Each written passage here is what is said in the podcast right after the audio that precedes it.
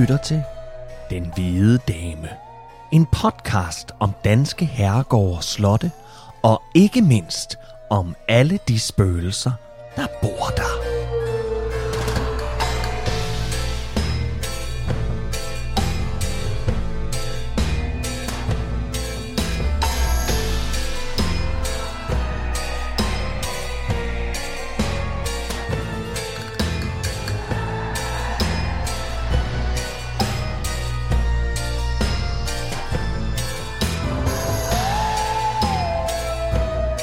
Velkommen til Den Hvide Dame, afsnit 26.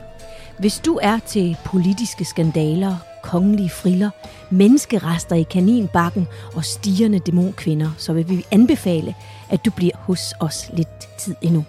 Mit navn er Trine Gadeberg, og overfor mig sidder Kasper Lefebvre. Der er varm kakao i kopperne, og udenfor har mørket sænket sig over Amager, og regnen pisker ind mod ruden i vores lille podcaststudie. Det er så hyggeligt. Og lidt uhyggeligt også. Og lidt uhyggeligt, og øh, jeg har allerede drukket min kakao. Allerede. Ja. Men den er jo lige lavet. Ja, men øh, jeg tror simpelthen, at den nåede at blive kølet lidt ned på vej herover, og så kunne jeg bare hælde den i mig. Og jeg kunne ikke stoppe igen. Åh, oh, det smager godt, ikke? Jamen, jeg kan ikke stoppe sådan noget, det ved du godt. Kakao? Ikke, men altså, det er også det der, eller slikskab og sådan noget. Det er sjovt, det hedder et slikskab. Ja, slikskuffe er det vel også, men jeg, jeg kan ikke finde ud af det. Hvis det er der, så æder jeg det. Eller, og hvis det er i koppen, så drikker jeg det. Ja. Og hvis det er på min tallerken, så spiser jeg det. og hvis det er på vejen, så kører jeg det ned. Sådan er du. Sådan er jeg. Prøv at høre her, Trine. Ja. Øh, imellem dagens afsnit og sidste afsnit, der lavede vi en lille opdatering på øh, vores sociale medier, Facebook og Instagram, hvor vi fortalte om, at vi havde været til et foredrag med DNA-forsker, eventyr og pelsjæger Eske Villerslev. Ja. Det var vildt, ikke? Det var så vildt. Ja. Det var så godt. Jeg har glædet mig sådan. Jeg, jeg har jo læst hans bøger, og dem skal man læse. De er sindssygt spændende om hans tid i Sibirien. Og øh, han har også øh, han har også lavet en om øh, om øh, hvad skal man sige det overnaturlige, fordi han er nemlig en af de her videnskabsfolk, der ligesom hans øh, tvillingebror Rane Villerslev, som jo er øh, museumsdirektør inde på Nationalmuseet, så hører de til blandt de her videnskabsfolk, som ikke afviser nødvendigvis, at der er noget mellem himmel og jord. De, ligesom, de synes godt, de ting kan gå hånd i hånd. Mm. Og de har i hvert fald et dybt respekt for for eksempel indianerne og, og deres uh, natur, Og tro, blandt kan man andet, sige. Ja, og det er jo blandt andet derfor, at Eske Villerslev er, er kommet med de kæmpe DNA-forskningsskridt, øh, han har taget. Mm. Fordi han har, han har øh, de her stammefolks, øh, hvad hedder det, øh, Accept, eller accept, fordi han, han, de kan godt lide ham. Nå, men der lovede vi jo i den her øh, lille teaser. teaser, at vi havde lidt nyt med Ja. om vores allesammens vikinger, fordi øh, Eske er begyndt at kigge på vikinger. Øh, og han havde to ting med. Øh, alt sammen godt nyt. Ej, jo, godt, tre ting med. Alt sammen øh, mere eller mindre godt nyt, og et er det er næsten lige meget. Det første var, at det ved vi jo godt, at, at, at det at være viking ikke jo ikke er et folkeslag. Det var noget, man gjorde. Man, man tog på man, man tog på viking, altså på togt, mm. og så var man viking. Øh, og, øh, og det, de har fundet ud af nu, det er, i hvert fald i forhold til England, der har det nok primært været, øh, altså vikinger, som vi kender dem, det er et dansk-svensk fænomen. Og Norge er udenfor. Norge havde han lige været op og sige, jeg kan altså ikke rigtig påvise Nej. så meget.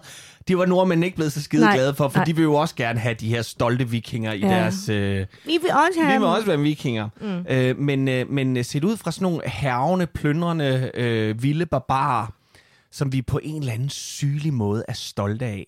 Ja. Har du tænkt over det? Nej, men det er egentlig mærkeligt, det er, eller det jeg har undret mig over, det er, hvad- nu hvis det var, at han havde påvist, at der ikke havde fandtes, kan man sige det, fandtes, vikinger i Danmark? Vil vi så have nævnt det? Eller vil vi bare sådan have Ej, jeg vil forbigået nok det, have nævnt det her, men jeg vil have haft det ligesom nordmændene. Ja. Jeg vil have haft så man forstår dem øh, godt? ondt inde i sjælen. Ja, Det er jo en del af vores øh, opfattelse. ja. Og øh, de her vikinger, man har fundet i England blandt andet, fortæller han så, han, har jo, han, kan jo lave, han laver DNA-forskning, og lige ganske kort skal man jo sige, det er, at han kan jo simpelthen kigge, altså det han kan finde ud af ved, ved DNA-prøver, det er jo nærmest alt. Hvor har du gået, hvad har du spist, for 6.000 år siden. Hvilke dyr har du og længere mødt, og- tilbage. Ja. Ja. Og når han laver DNA-prøver af jorden, så kan han fortælle, jamen øh, for øh, 18.000 år siden, der gik der en hare forbi her, og den havde spist af øh, en brumbærbusk. Mm. Så vilde er de. Så du vil sige, Kasper Mediver, at i 2285, der er der nogen, der vil komme forbi vores matrikel og sige, hey, der er blevet lavet en podcast en Der er blevet lavet en podcast her engang. Den det hvide vi simpelthen Se. Ja, Ja. Det kan de nok godt øh, måle på det tidspunkt. Ja. Men det han fandt ud af, det var, at øh, i disse coronatider, der har vikingerne været såkaldte superspredere. Og det har de været på den måde, at vi har ikke bare haft øh, en type sygdom med til for eksempel England. Han har fundet vikinger, der både havde pest Kover, eller ikke kopper. og kopper. ja. Altså han sagde, de har set frygtelige ud, de her vikinger. ja. Nogle af de her, de, de har simpelthen lignet monstre, nogle af dem. Ja. De har rendt rundt med pest og kopper, alle sammen. Men grunden til, at han er i gang med det her, det handler faktisk om, at de er ved at finde ud af, hvornår sygdommen kommer og går. Fordi vores, øh, vores sygdomme, de kommer og går hele tiden. Øh, der, der, der er sådan en slags ur, man kan stille efter det. Og nu har vi corona lige for tiden, som jo er en afart af SARS. af SARS, som er en afart af noget andet, som er en afart af noget femte, som er en afart af noget tredje, og det går tilbage, og det går tilbage, og det går tilbage. Og det, som Eske Willerslev er i gang med lige nu, det er sammen med et forskerhold, rent faktisk nærmest at kunne sætte uret efter, hvornår kommer den næste sygdom, Mm. Hvordan vil den cirka se ud, fordi Det, næste mutation, ikke? den næste altså, mutation, og hvordan vil den mutere? Mm. Fordi så kan forskerne allerede nu gøre en, en øh, vaccine klar til om 100 år, hvor en ny afart af, af covid vil opstå med den her mutation, eller med en anden mutation, og så vil man være klar. Det er sgu da vildt. Jamen, det er sindssygt vildt. Er det ikke sindssygt? Jo. Jeg elsker det. Jeg elsker videnskab, og jeg elsker også det overnaturlige. Og øhm, Og det fører os videre til historien om Næsby Holm. ja, der er også noget overnaturligt. Jeg, jeg må tager mig ikke af det overnaturlige. Det gør Men jeg. Det gør du, Trine. Ja, men Vi det, skal til Næsbyholm i dag. Så vil du starte, Kasper? Ja! Yeah! Værsgo.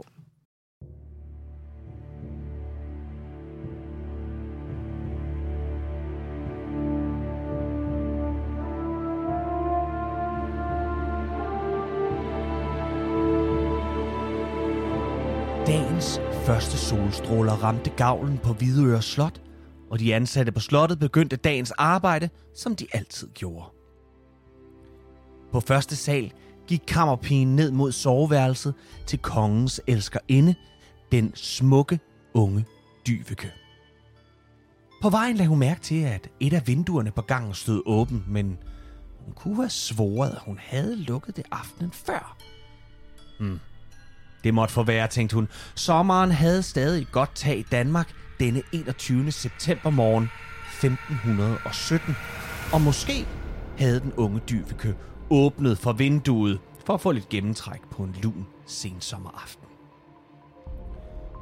Godmorgen, nåede i frøken, sagde stuepigen, da hun hævde gardinerne til side inde i elskerindens soveværelse. Solstrålerne havde fundet vej fra slottets gavl og ned mod vinduet og skød nu igennem glasset direkte hen på den livløse kvinde, der lå i sengen med opspilede øjne og stirrede på kammerpigen. Noget i frygten, at, at de... At, at de... sagde kammerpigen spørgende, da hun tog et skridt hen mod kvinden i sengen. Øjnene stirrede tomme og døde på hende, og hendes mund stod let åben, som skulle hun til at svare på kammerpigens spørgsmål, hvis hjerte allerede var begyndt at banke hurtigt og taktfast i en stramt snørret kjole. Da hun lagde en hånd på Dybekes pande, trak hun den forfærdet til sig igen. Hun var iskold. Få timer senere ankom kong Christian den anden til slottet. Han løb ned ad gangen mod hans elskerindes værelse. Med sig havde han hans personlige sekretær, Didrik Slaghæk. Christian smed sig ind over den døde Dyveke og græd og hulkede. Didrik Slaghæk stillede sig bag kongen og lagde en hånd på hans skulder. Min herre konge, sagde han med en dyb og myndig stemme. Vi frygtede, at dette kunne ske, og nu har den værst tænkelige synd ramt deres kvinde. Høje konge, det her var mor, og det kan kun være begået fra tætte rækker. Min herre konge, deres rigsråd har længe haft indsigelser imod jomfru Dyveke og hendes moder Sigbrit i særdeleshed lensherren på Københavns Slot, Torben Okse. Kongen kiggede op på Didrik. Han kendte udmærket den besværlige og ubehagelige Torben Okse, som få år før havde siddet som herremand på Næsbygård, indtil han var blevet fjernet efter en særdeles hårdhændet behandling af Otte Holgersen Rosenkrans, som nu sad som herre på den sydsjællandske herregård. Forsamlet mit rigsråd, viskede kongen til Didrik Slaghæk. Find Torben Okse. Jeg vil have hans hoved skilt fra hans krop. Næsbyholm, som ligger smukt og majestætisk syd for Sorø, har igennem tiden haft mange ejere. Og en af de mere farverige er utvivlsomt Torben Okse, som blev anklaget for at have forgiftet Christian den andens elskerinde Dyveke. Det er en dramatisk historie, som jeg lover, at vi vender tilbage til om lidt. Første gang, at vi hører om Nesbyholm, hedder det Nesbygård. Og det er i 1388, hvor det som en stor gård ligger i byen Næsby, der havde taget sit navn, fordi det, ja, lå på et næs. Et næs er betegnelsen for en halvø og et lille fremspring på netop en halvø eller en kyst. Det er utvivlsomt et ord, som de nordiske vikinger tog med sig til England, Skotland og Irland, hvor ordet næs kendes fra blandt andet Loch Ness og andre Nesses. Og endelig beslægtes det også med næsen, som jo er menneskets fremspring.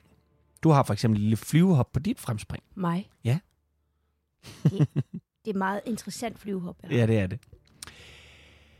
Det var nok for sproghjørnet. Vi er her jo for at tale om Næsbyholm, eller Næsbygård, som det jo altså hedder her i begyndelsen af vores historie i 1388.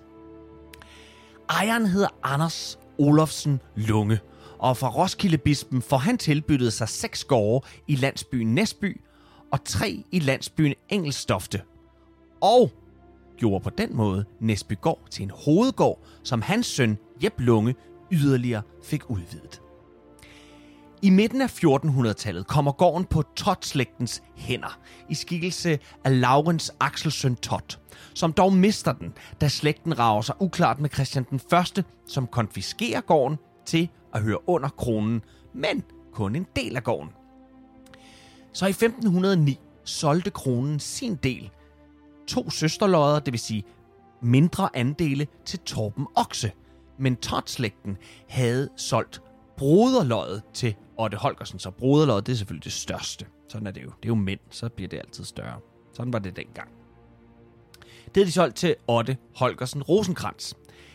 Det ville Torben Okse ikke blive spist af med, så han begyndte en indet kamp for at få den fulde andel af Næsbygård. I første omgang tilbød han Rosenkrantz at købe hans andel. Da dette mislykkedes, overfaldt han ham og forsøgte at få gården via vold og trusler. Da det heller ikke lykkedes, så bedrev han dokumentfalsk og ændrede datorerne på skødet, så han stod til at have købt før Rosenkrantz. Ja, hvor han skidte kan. Han var en hæslig fyr.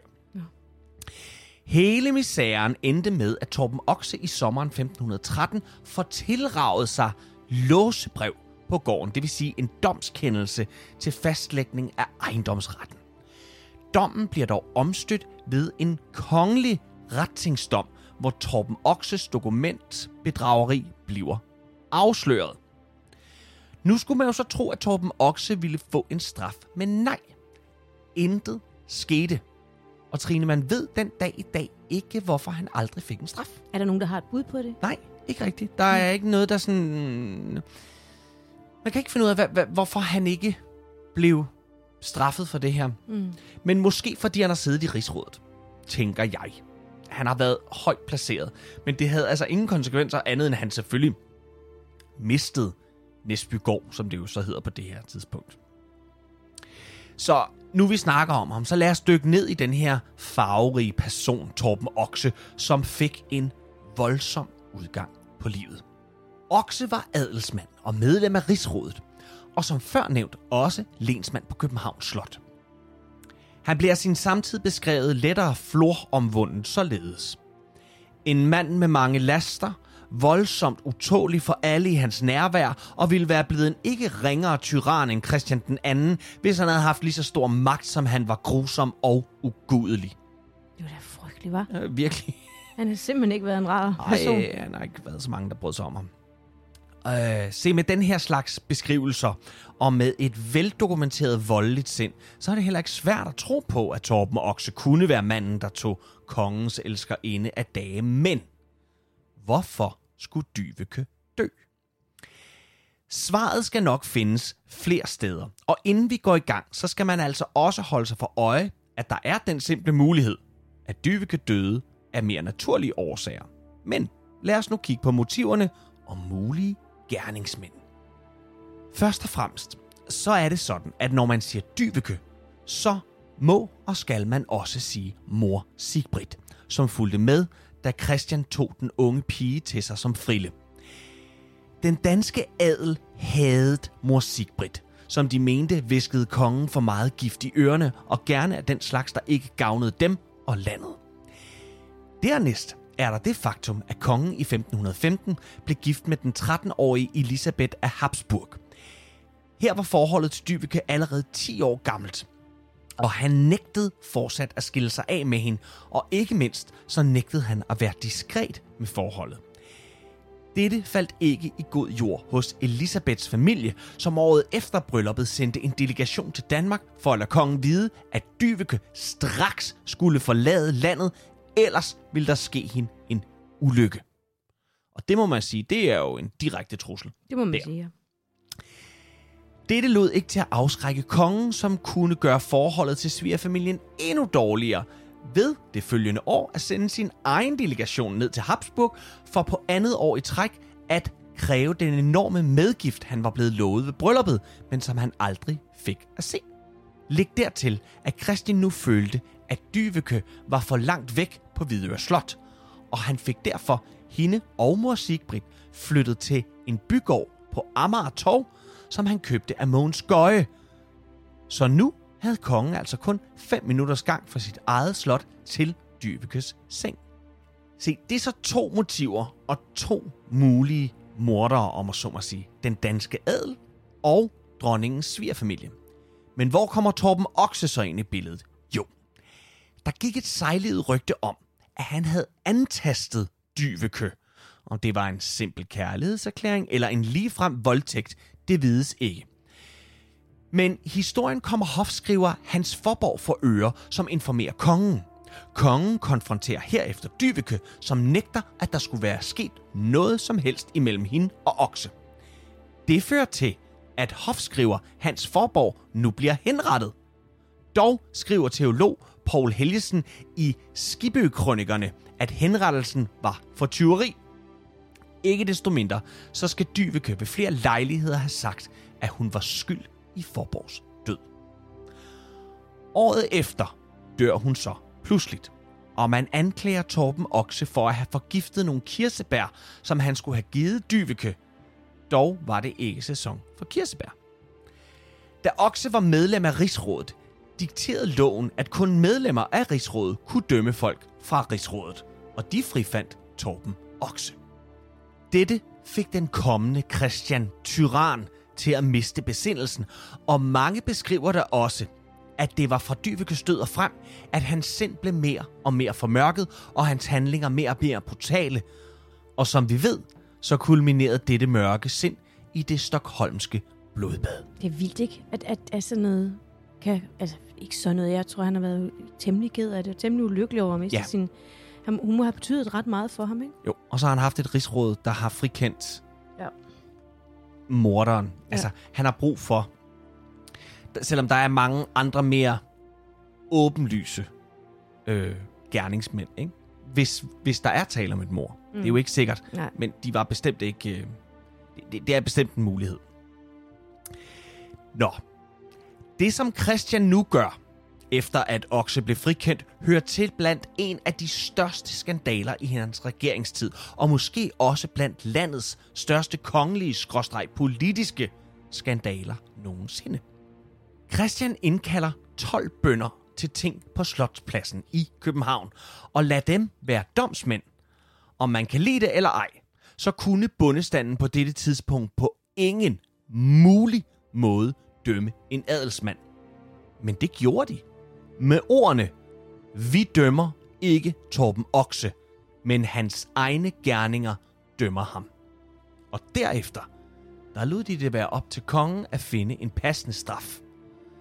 Og den 29. november blev Torben Okse halshugget på Gråbrød og Torv i København. Det er vildt. Det er en vild øh, historie. Og jeg kunne ikke lade være med at få en lidt, en lidt højdragende tanke øh, den her gang. Og uden sammenligning, for det er jo ikke på den måde. Men lad os nu lige lege, at rigsrådet, det er en flok embedsmænd, hvilket de jo faktisk har været, og at kongen er en art minister. Så kunne man jo med lidt god fantasi faktisk sammenligne den her sag, altså med Christian den anden og Torben Oxes henrettelse, med to igangværende politiske sager, vi har kørende i Danmark, hvor nogle politikere måske eller måske ikke, Med eller uden lovhjælpen. med eller uden lovhjemmel, eller med eller uden viden om, at det var ulovligt, eller hvad de nu har gjort, gjort noget alligevel. Og her ved Christian, at han har ikke lov til at henrette Torben Okse. Det må han ikke. Han er medlem af Rigsrådet. Det er Rigsrådet, der dømmer folk fra Rigsrådet. Han har ingen mulighed for det her. Det er vildt. Men Så han gjorde det. Han gjorde det altså alligevel, og det her var jo altså med til at gøre hans forhold til hans rigsråd om muligt endnu dårligere.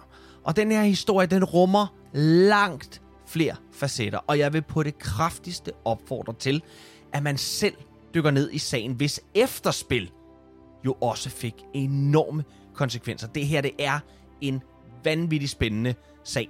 Og ja, jeg siger det endnu en gang. Dyk ned i den selv, fordi det er virkelig, virkelig, virkelig godt.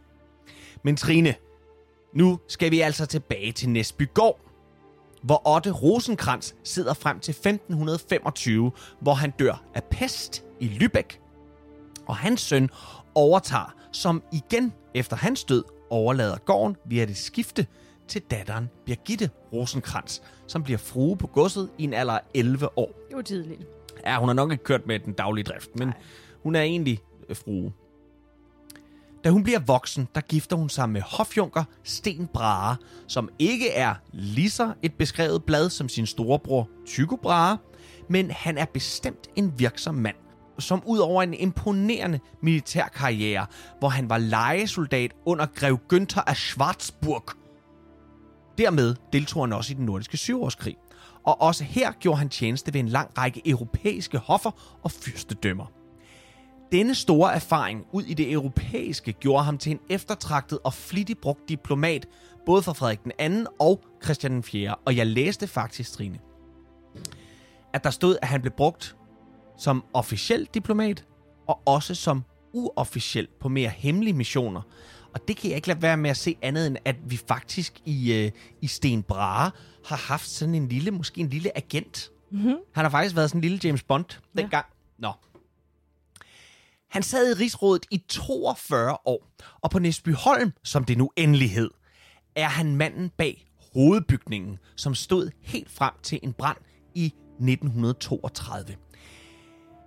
De lod en for længst tilkastet voldgrav opføre, som det var på mode her i slutningen af 1500-tallet, som en slags påmindelse om, at det altid er muligt, at der kommer oprør fra bønderne, som for få år siden under grevens fejde havde plyndret Næsbyholm totalt. Det var bønder fra øh, Næstved, der gjorde det. Næstved, Det var ja. De var kommet op og sagt, nu skal vi råd med have alt, hvad I har herinde. Sådan er Det det. kan ikke stærkt. ja. Hovedbygningen, den var umådelig smuk og fornem, og man mener, at det var Christian den 4. og Tycho Brahes bygmester Hans Stenvinkel, den ældre, der stod bag byggeriet. Kan du huske, vi har talt om ham før? Jamen, han har altså været Ja. omkring. Altså, hvordan i hele verden har han nået det? Altså, altså... A- a- alt, hvad du ser i København, stort set, af, af de der kendte bygningsværker, Christian 4., han står bag. Der står Hans Stenvinkel bag. Den Men ældre. det er jo også, fordi man forestiller sig, at det er ham, der selv har været ud. Og Ja, ja, han har tegnet det, og så har han gået videre Ja, til den næste. Ikke? Men altså, han har virkelig lavet meget. Ja. Øh, men det formoder man altså, at det er ham, fordi at det, det er meget nærliggende. Også fordi, at vi ved helt sikkert, at det er Stenvinkel, der har lavet Birgitte Rosenkrantz gravmonument i hvid marmor på bestilling af den sørgende enkemand Sten Brahe, som selv dør i 1620, og derefter overlader gården til sønnen Otto Brahe, som udbygger med flere gårde og også anlægger en del skov. Otto Brahe dør i 1651, og hans femårige søn er nu arving. Men han dør allerede i 1663, og nu er det faster Edel Ulfeldt, der sidder på Næsbyholm.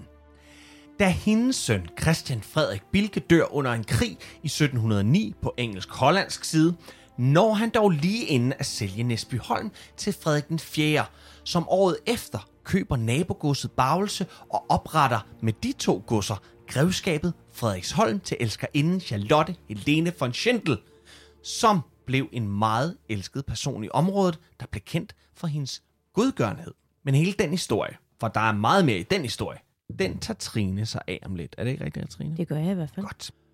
Nu foretager vi et lille spring frem i tiden, og nu skal vi møde i statråd og kammerherre Christian Rønnenkamp, som i 1837 køber Næsby Holm. Han bliver den mand, som utvivlsomt har betydet allermest for stedet. Han tager fast bopæl på gården og gør det, som vi før har hørt om her i podcasten, når de rigtige herrefolk kommer til. Han gør det, at han først og fremmest sørger for, at vilkårene for bønderne er gode. Han afløser hoveriet med færre og rimelige afgifter og hjælper samtidig bønderne med at dyrke deres egen jord, som de kan lade gå i arv. Landbruget på gården bliver en fantastisk forretning, og der bliver udbygget og restaureret i den helt store stil. Endelig fik Næsbyholm en fastboende ejer, som holdt af stedet, og i dens store, imponerende have blev der efter hans død i 1867 rejst en bronzebyste til minde om denne store mand.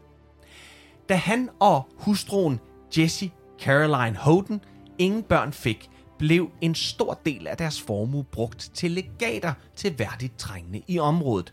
Men også i Rønnekamps fødeby Flensborg blev der oprettet et legat for gamle sømænd. Og endelig var der også legater til unge kunstnere, og et engangsbeløb til Herlufsholm, hvor renterne skulle gå til sønner af Slesviger. Meget fint. Og så blev formuen også brugt til at grundlægge Christiansdal Kloster med plads til 24 kvinder.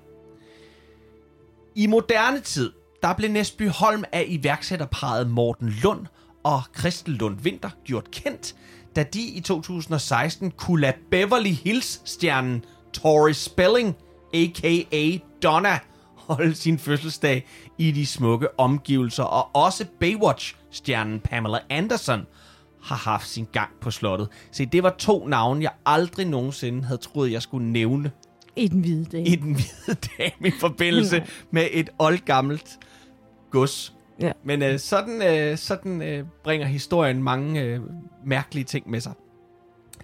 I 2018, der satte en voldsom brand desværre en stopper for stedet som fest- og udlejningssted, og ifølge ejeren Lensbaron Mogens Holk, så har Nesby Holm holdt sin sidste fest. Men det er ikke helt slut med liv på det gamle slot. For når mørket falder på, så sker der ting og sager. Vi skal nu høre om spøgelserne på Næsby Holm.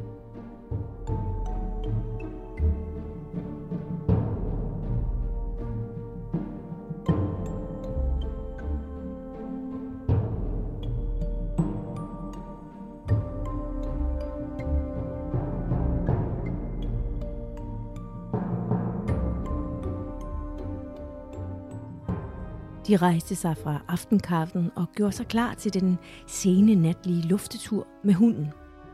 Og selvom de hver aften gik den samme rute, ja, så ændrede de denne rute denne aften. Det småregnede, og det blæste lidt, men det var de vant til. Hunden trak lidt mere i snoren, end den plejede, og pludselig rev den sig løs og løb. De løb efter den, og de fandt den stående ved en bakke tæt på Næsbyholm. Hunden havde helt klart færden af noget, for den snusede og tedede sig underligt, og pludselig begyndte den at gø voldsomt. Og frem af den mudrede bakke stak en knogle ud. Hunden gøede mere og mere og løb frem og tilbage, og det gjorde den af én grund. Der stak nemlig flere knogler ud. Det viste sig, at det ikke var knogler fra dyr, men knogler fra mennesker. Shit. Den her bakke, jeg beskriver her, hedder i folkemunde Kaninbakken, og den er omgivet af megen mystik. For folk har hørt skrig, de har hørt underlige lyde af klagende mennesker og mange, mange andre uhyggelige lyde. Og i 1800-tallet foretog man en udgravning i bakken, og der fandt man altså en hel del menneskeskeletter. Men hvorfor gjorde man det?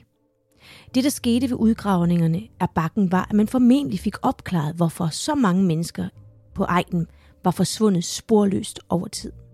De forsvandt, mens de lå i deres seng, eller lige pludselig fra vejen og mange andre steder fra.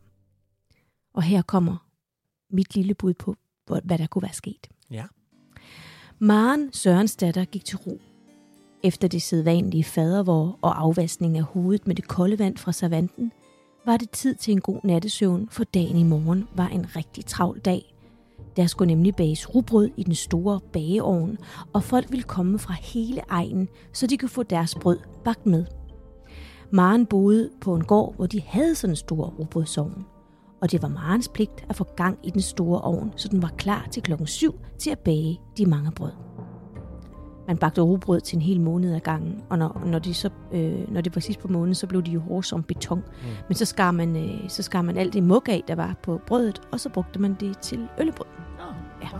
Men tilbage til Maren. Hun faldt i søvn, og der gik ikke længe, før man kunne høre hende snorke blidt og smaske lidt i søvne. Klokken et satte hun sig bræt op i sengen. Maren var ikke alene. Marens hjerte bankede ud af. Månen havde valgt lige præcis denne nat ikke at lyse, så der var aldeles bælmørkt i Marens kammer. Og da øjnene var afskåret for at kunne se noget som helst, blev høresansen skærpet, hvilket gjorde, at Maren nu kunne høre nogen bevæge sig rundt i værelset. Hun kunne endvidere høre, at der blev puttet ting og sager i en taske, for det klirrede hver gang, der dumpede noget ned i tasken. Maren prøvede at skrige, men der kom ikke en lyd ud af hendes mund. Pulsen blev højere og højere, og nu kunne hun nærmest ikke orientere sig for de høje pulslyde i øret. Og så mærkede hun slaget. Et slag, der kom fra oven med en kølle, der blev ført med en voldsom kraft, og satte en stopper for Marens tanker og Marens angst. Nu mærkede hun smerten. Og selvom slaget tog pusten fra hende, så kæmpede hun med alle kræfter for sit liv. De slæbte hende ud af sengen. Hun hævde dynen med, men den fik fat i en spids genstand, og nu var der fjer overalt. De faldt blidt som nyfalden sne og stod i stor kontrast til den rå vold, der blev udlevet i rummet. For mens fjerne dalede ned, så faldt slagen over Maren flere og flere, og der var blod overalt, og til sidst måtte Maren give efter. Hun åndede ud, og de sidste fjer dalede ned og lagde sig stille oven på livet af Maren. Maren blev slæbt ud, kylet op i en vogn og kørt til kaninbakken. Der gravede de et hul. Det vil sige, at de skulle ikke grave længe, for der var i forvejen gravet så mange gange det samme sted, at bakken nærmest var hul. Marens lig røg, røg ovenpå en del andre menneskelig, der havde været udsat for den samme skæbne. Og klokken 6 galede hanen, og under normale omstændigheder ville Maren for længst være ude af fjerne, men det var hun ikke, og der var ikke røg i bageovnen. Det kunne folk allerede se fra afstand, da de nærmede sig gården ved syvtiden om morgenen. Til gengæld var der tegn på, at gården var blevet røvet. Der var blevet stjålet af skille sager, og fra Marens kammer lå der fjer fra dynen overalt blandet med blod. Maren var væk. Forsvundet ud i det blå. Der var ingen spor at følge. Og det var først mange, mange år efter, at man støtte på knoglerne i kaninbakken. Min historie om Maren og ægteparet med hunden er min udlægning af, hvordan det måske kunne være foregået. Men faktum er, Kasper, at man har fundet en masse, masse knoglerester fra mennesker i bakken. Og man har samtidig også kunne berette om mennesker, der vidderligt på mystisk vis forsvandt fra egnen. Og man rettede altså sin mistanke mod en røvergruppe, der havede på egen på det givende tidspunkt. De var nemlig specialiseret i at kidnappe folk, hvor efter de stjal deres ejendele, dræbte dem og begravede dem i den her store bakke. En bakke, som jeg omtaler som kaninbakken. Men skeletter fra forsvundne personer, man fandt under en kuglegravning i, i kaninbakken, er ikke det eneste mystik, der foregår der. Der berettes nemlig om folk, der har mødt to unge piger, som ligesom træder ud af kaninbakken og folk har simpelthen forvekslet dem med almindelige mennesker. Og derfor er de to piger blevet talt til. Pigerne har dog ikke svaret som almindelige mennesker, men blot vislede ondskabsfuldt og grinede højt med et ildevarslende latter. Ret ubehageligt. Føj, for satan, det er klamt. Ja. Puha. Der findes faktisk en beretning om en tidligere gårdskal, der på ingen måde var overbevist om spørgerierne fra det hendes Han troede simpelthen ikke på det. Og han havde også hørt om, om den her kælende kat, der sådan befandt sig tæt ved Næsbyholm. Og en sen nattetime var han på vej hjem til Næsbyholm. Han har sikkert været over at drikke lidt øl ved en af, mm. af hans kollegaer. Og han var fuldstændig hævet over alle de formaninger, som folk kom med. Altså, du skal passe på med at færde dig ved nattetid omkring slottet, der sker ting og sager. Altså alt det onde, man kunne møde. Men det rørte ham ikke. Han kom, og han gik, hvor det passede ham. Men den aften, på hans vej hjem, støtte han på en meget kælen kat. Så det var sådan en art varsel, hvis man mødte en kælen kat på egnen? Er det er det, Ja. det, der menes med Ja, det? det var, det var, Okay, ja, det var ikke så godt. okay. Øhm, det var sent om natten. Altså, Nå, det, ja, så- ja, men det var bare fordi, at det lød som om, at det var en, en kendt sag det var en med kendt den, sag. ja, med den kælende kat. Det hvis var man en kendt Okay, sag. ja. Der var mange, der havde stødt på den her kat. Mm. Øhm, men på hans vej hjem stødte han på den her kælenkat. Den gik nærmest i slalom ind imellem hans ben. Og i starten der blev han kun lettere irriteret over det, fordi han var ved at falde nogle gange. Det var pisseirriterende. Men da katten blev mere og mere insisterende, så begyndte han sådan at og dask ud til den, altså slå ud efter den med sin stok. Og lige pludselig så blev et af de her stokkeslag så kraftigt, at katten simpelthen trillede bort. Og så kunne gårdskarlen gå i fred og ro. Det kunne han så ikke ret længe, for i det, han gjorde det med katten, der satte blæsten ind, og et stormvejr fulgte. Jeg lover dig, Kasper, det var vildt. Gårdskarlens hat blæste af, og han satte i løb for at komme hjem så hurtigt som muligt i det her forfærdelige vejr. Da han nærmede sig gården, mødte han to piger. Han stoppede op og spurgte ind til, hvor de dog skulle hen i det her forfærdelige vejr og så sent om aftenen. Men de svarede ikke.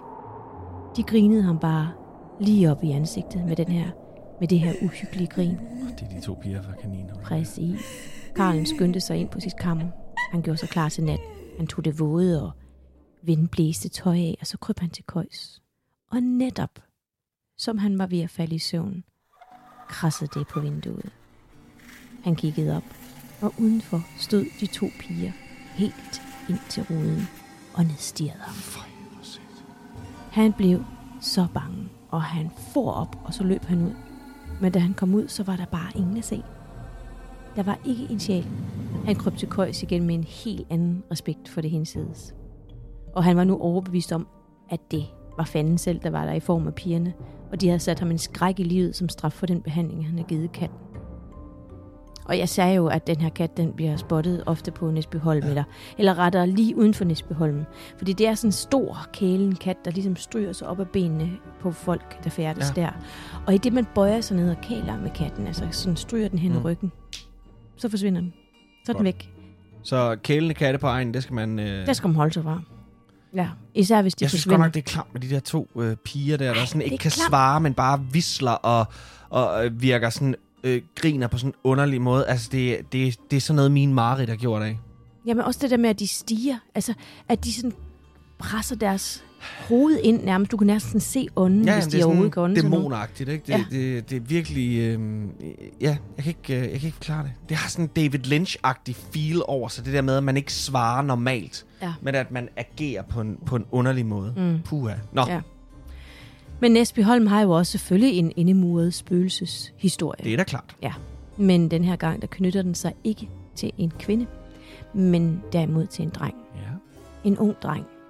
En dreng, som har lavet en eller anden forseelse, vi ikke ved noget om, for det, det, det kan vi simpelthen ikke, øh, jeg, jeg har ikke kunne finde, finde det frem, eller kunne spore det. Men det har åbenbart været så utilgiveligt, at det skulle straffes med en indemuring.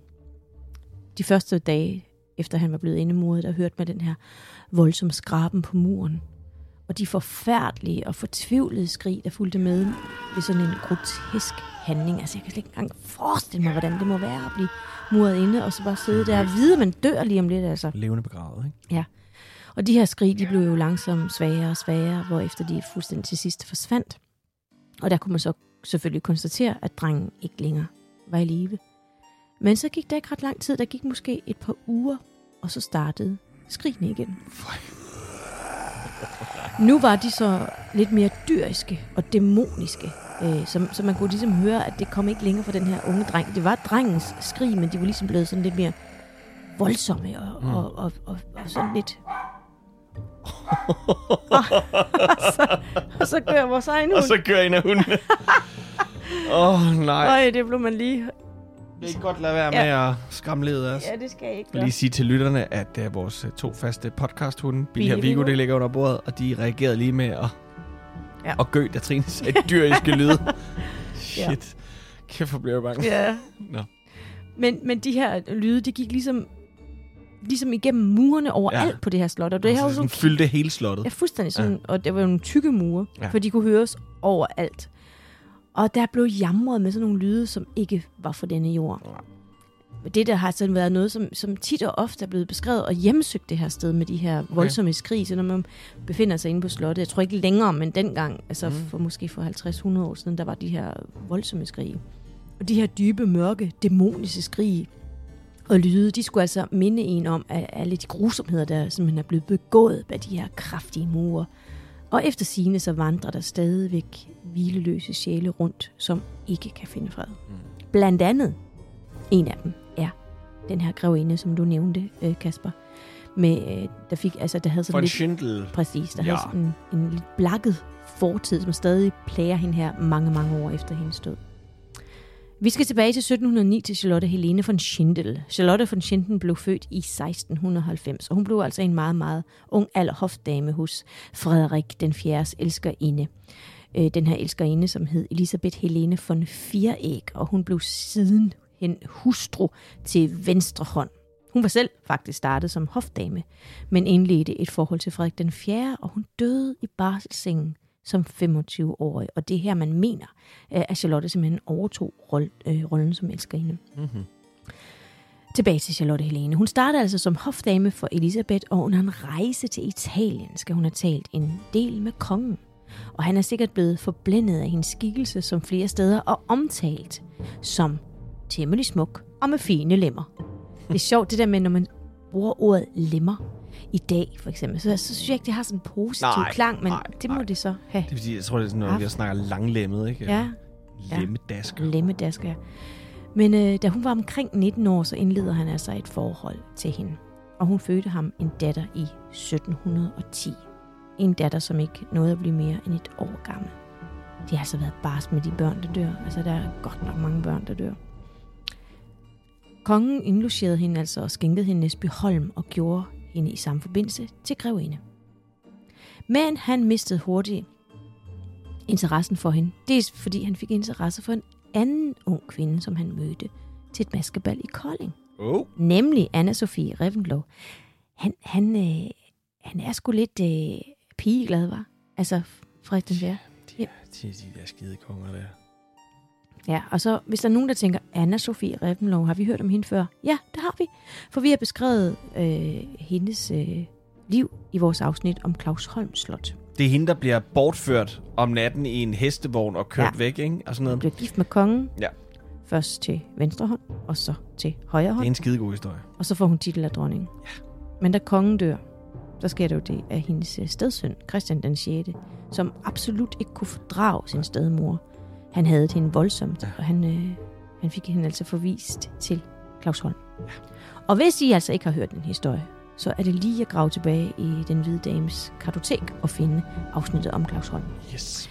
Frederik den 4. mister altså interessen for hende, og også fordi hun lever over evne. Hun var temmelig øssel, temmelig vel, vældigt, som du sagde, Kasper. Ja, hun har brugt... Altså, hun har sikkert også brugt dem på sig selv, men hun brugte dem på, øh, på folk på egnen. Hun, hun var kendt for at være godgøren. Så det er nok nogle af de penge, der er gået det, Ja, til det. men hun kunne altså også være lunefuld. Mm-hmm. Hun gik formentlig og kedede sig lidt på Næsbyholm der, og så begynder hun at indlede et hemmeligt forhold til en amtmand, generalmajor Ernst Gottschalk von navn. Og med ham får hun altså et barn, en søn. Det kommer kongen for øre, og kongen er jo på ingen måde hen- henrygt over, at elskerinden selv har fået en elsker, og til lige har fået et barn med den her elsker. Så han tvinger generalmajoren til at gifte sig med hende, og de indgår ægteskab i 1716.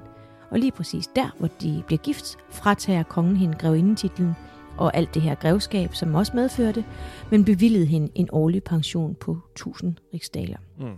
De flytter til Hamburg, hvor generalmajoren dør i 1721, og Charlotte hun flytter til sin søster øh, i Berlin. Og man ved faktisk, at hun fra 1750 boede i Flensborg.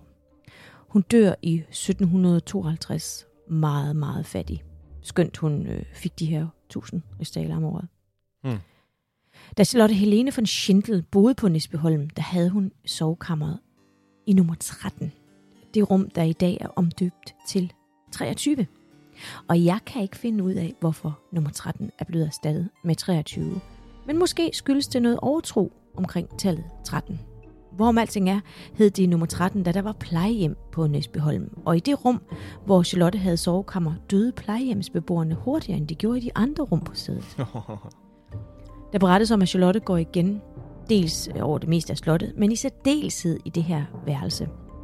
Man mener, hun ikke kan finde ro, fordi hun simpelthen ikke kunne klare den her afvisning fra kongen, og hun derfor er vendt tilbage til Næsbyholm for at lede efter kongen. En tidligere ejer fortæller, at hun en dag lagde rent sengetøj på i værelset og slukkede lyset på vej ud, men Charlotte Helene tændte det prompte igen. Men folk beretter altså også om, at de mærker hendes genfærd altså meget tydeligt i det her værelse. Det var det, jeg havde fundet frem om Næsbyholm. Og med de ord, Kasper, så har vi faktisk øh, vi har juleferie. Det har vi. Ja. Og det betyder, at øh, vi først lyttes ved en gang i det nye år. Det gør vi nemlig. Og øh, I kan godt begynde at glæde jer. Ja. Øh, fordi øh, vi skal forberede en, øh, en ny sæson af Den Hvide Dame. Og der skal der ske noget lidt særligt, Trine. Ja, det skal der nemlig. Vi skal nemlig... Øh, vi, vi, vi forsøger lidt at gå lidt ud over Danmarks grænser.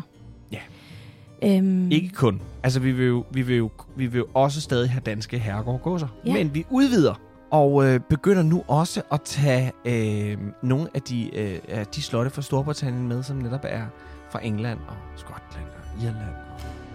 Jeg håber, kære lytter, at I vil øh, i hvert fald øh, kunne øh, høre, at, øh, at det er nogle helt andre historier, vi skal have derovre fra.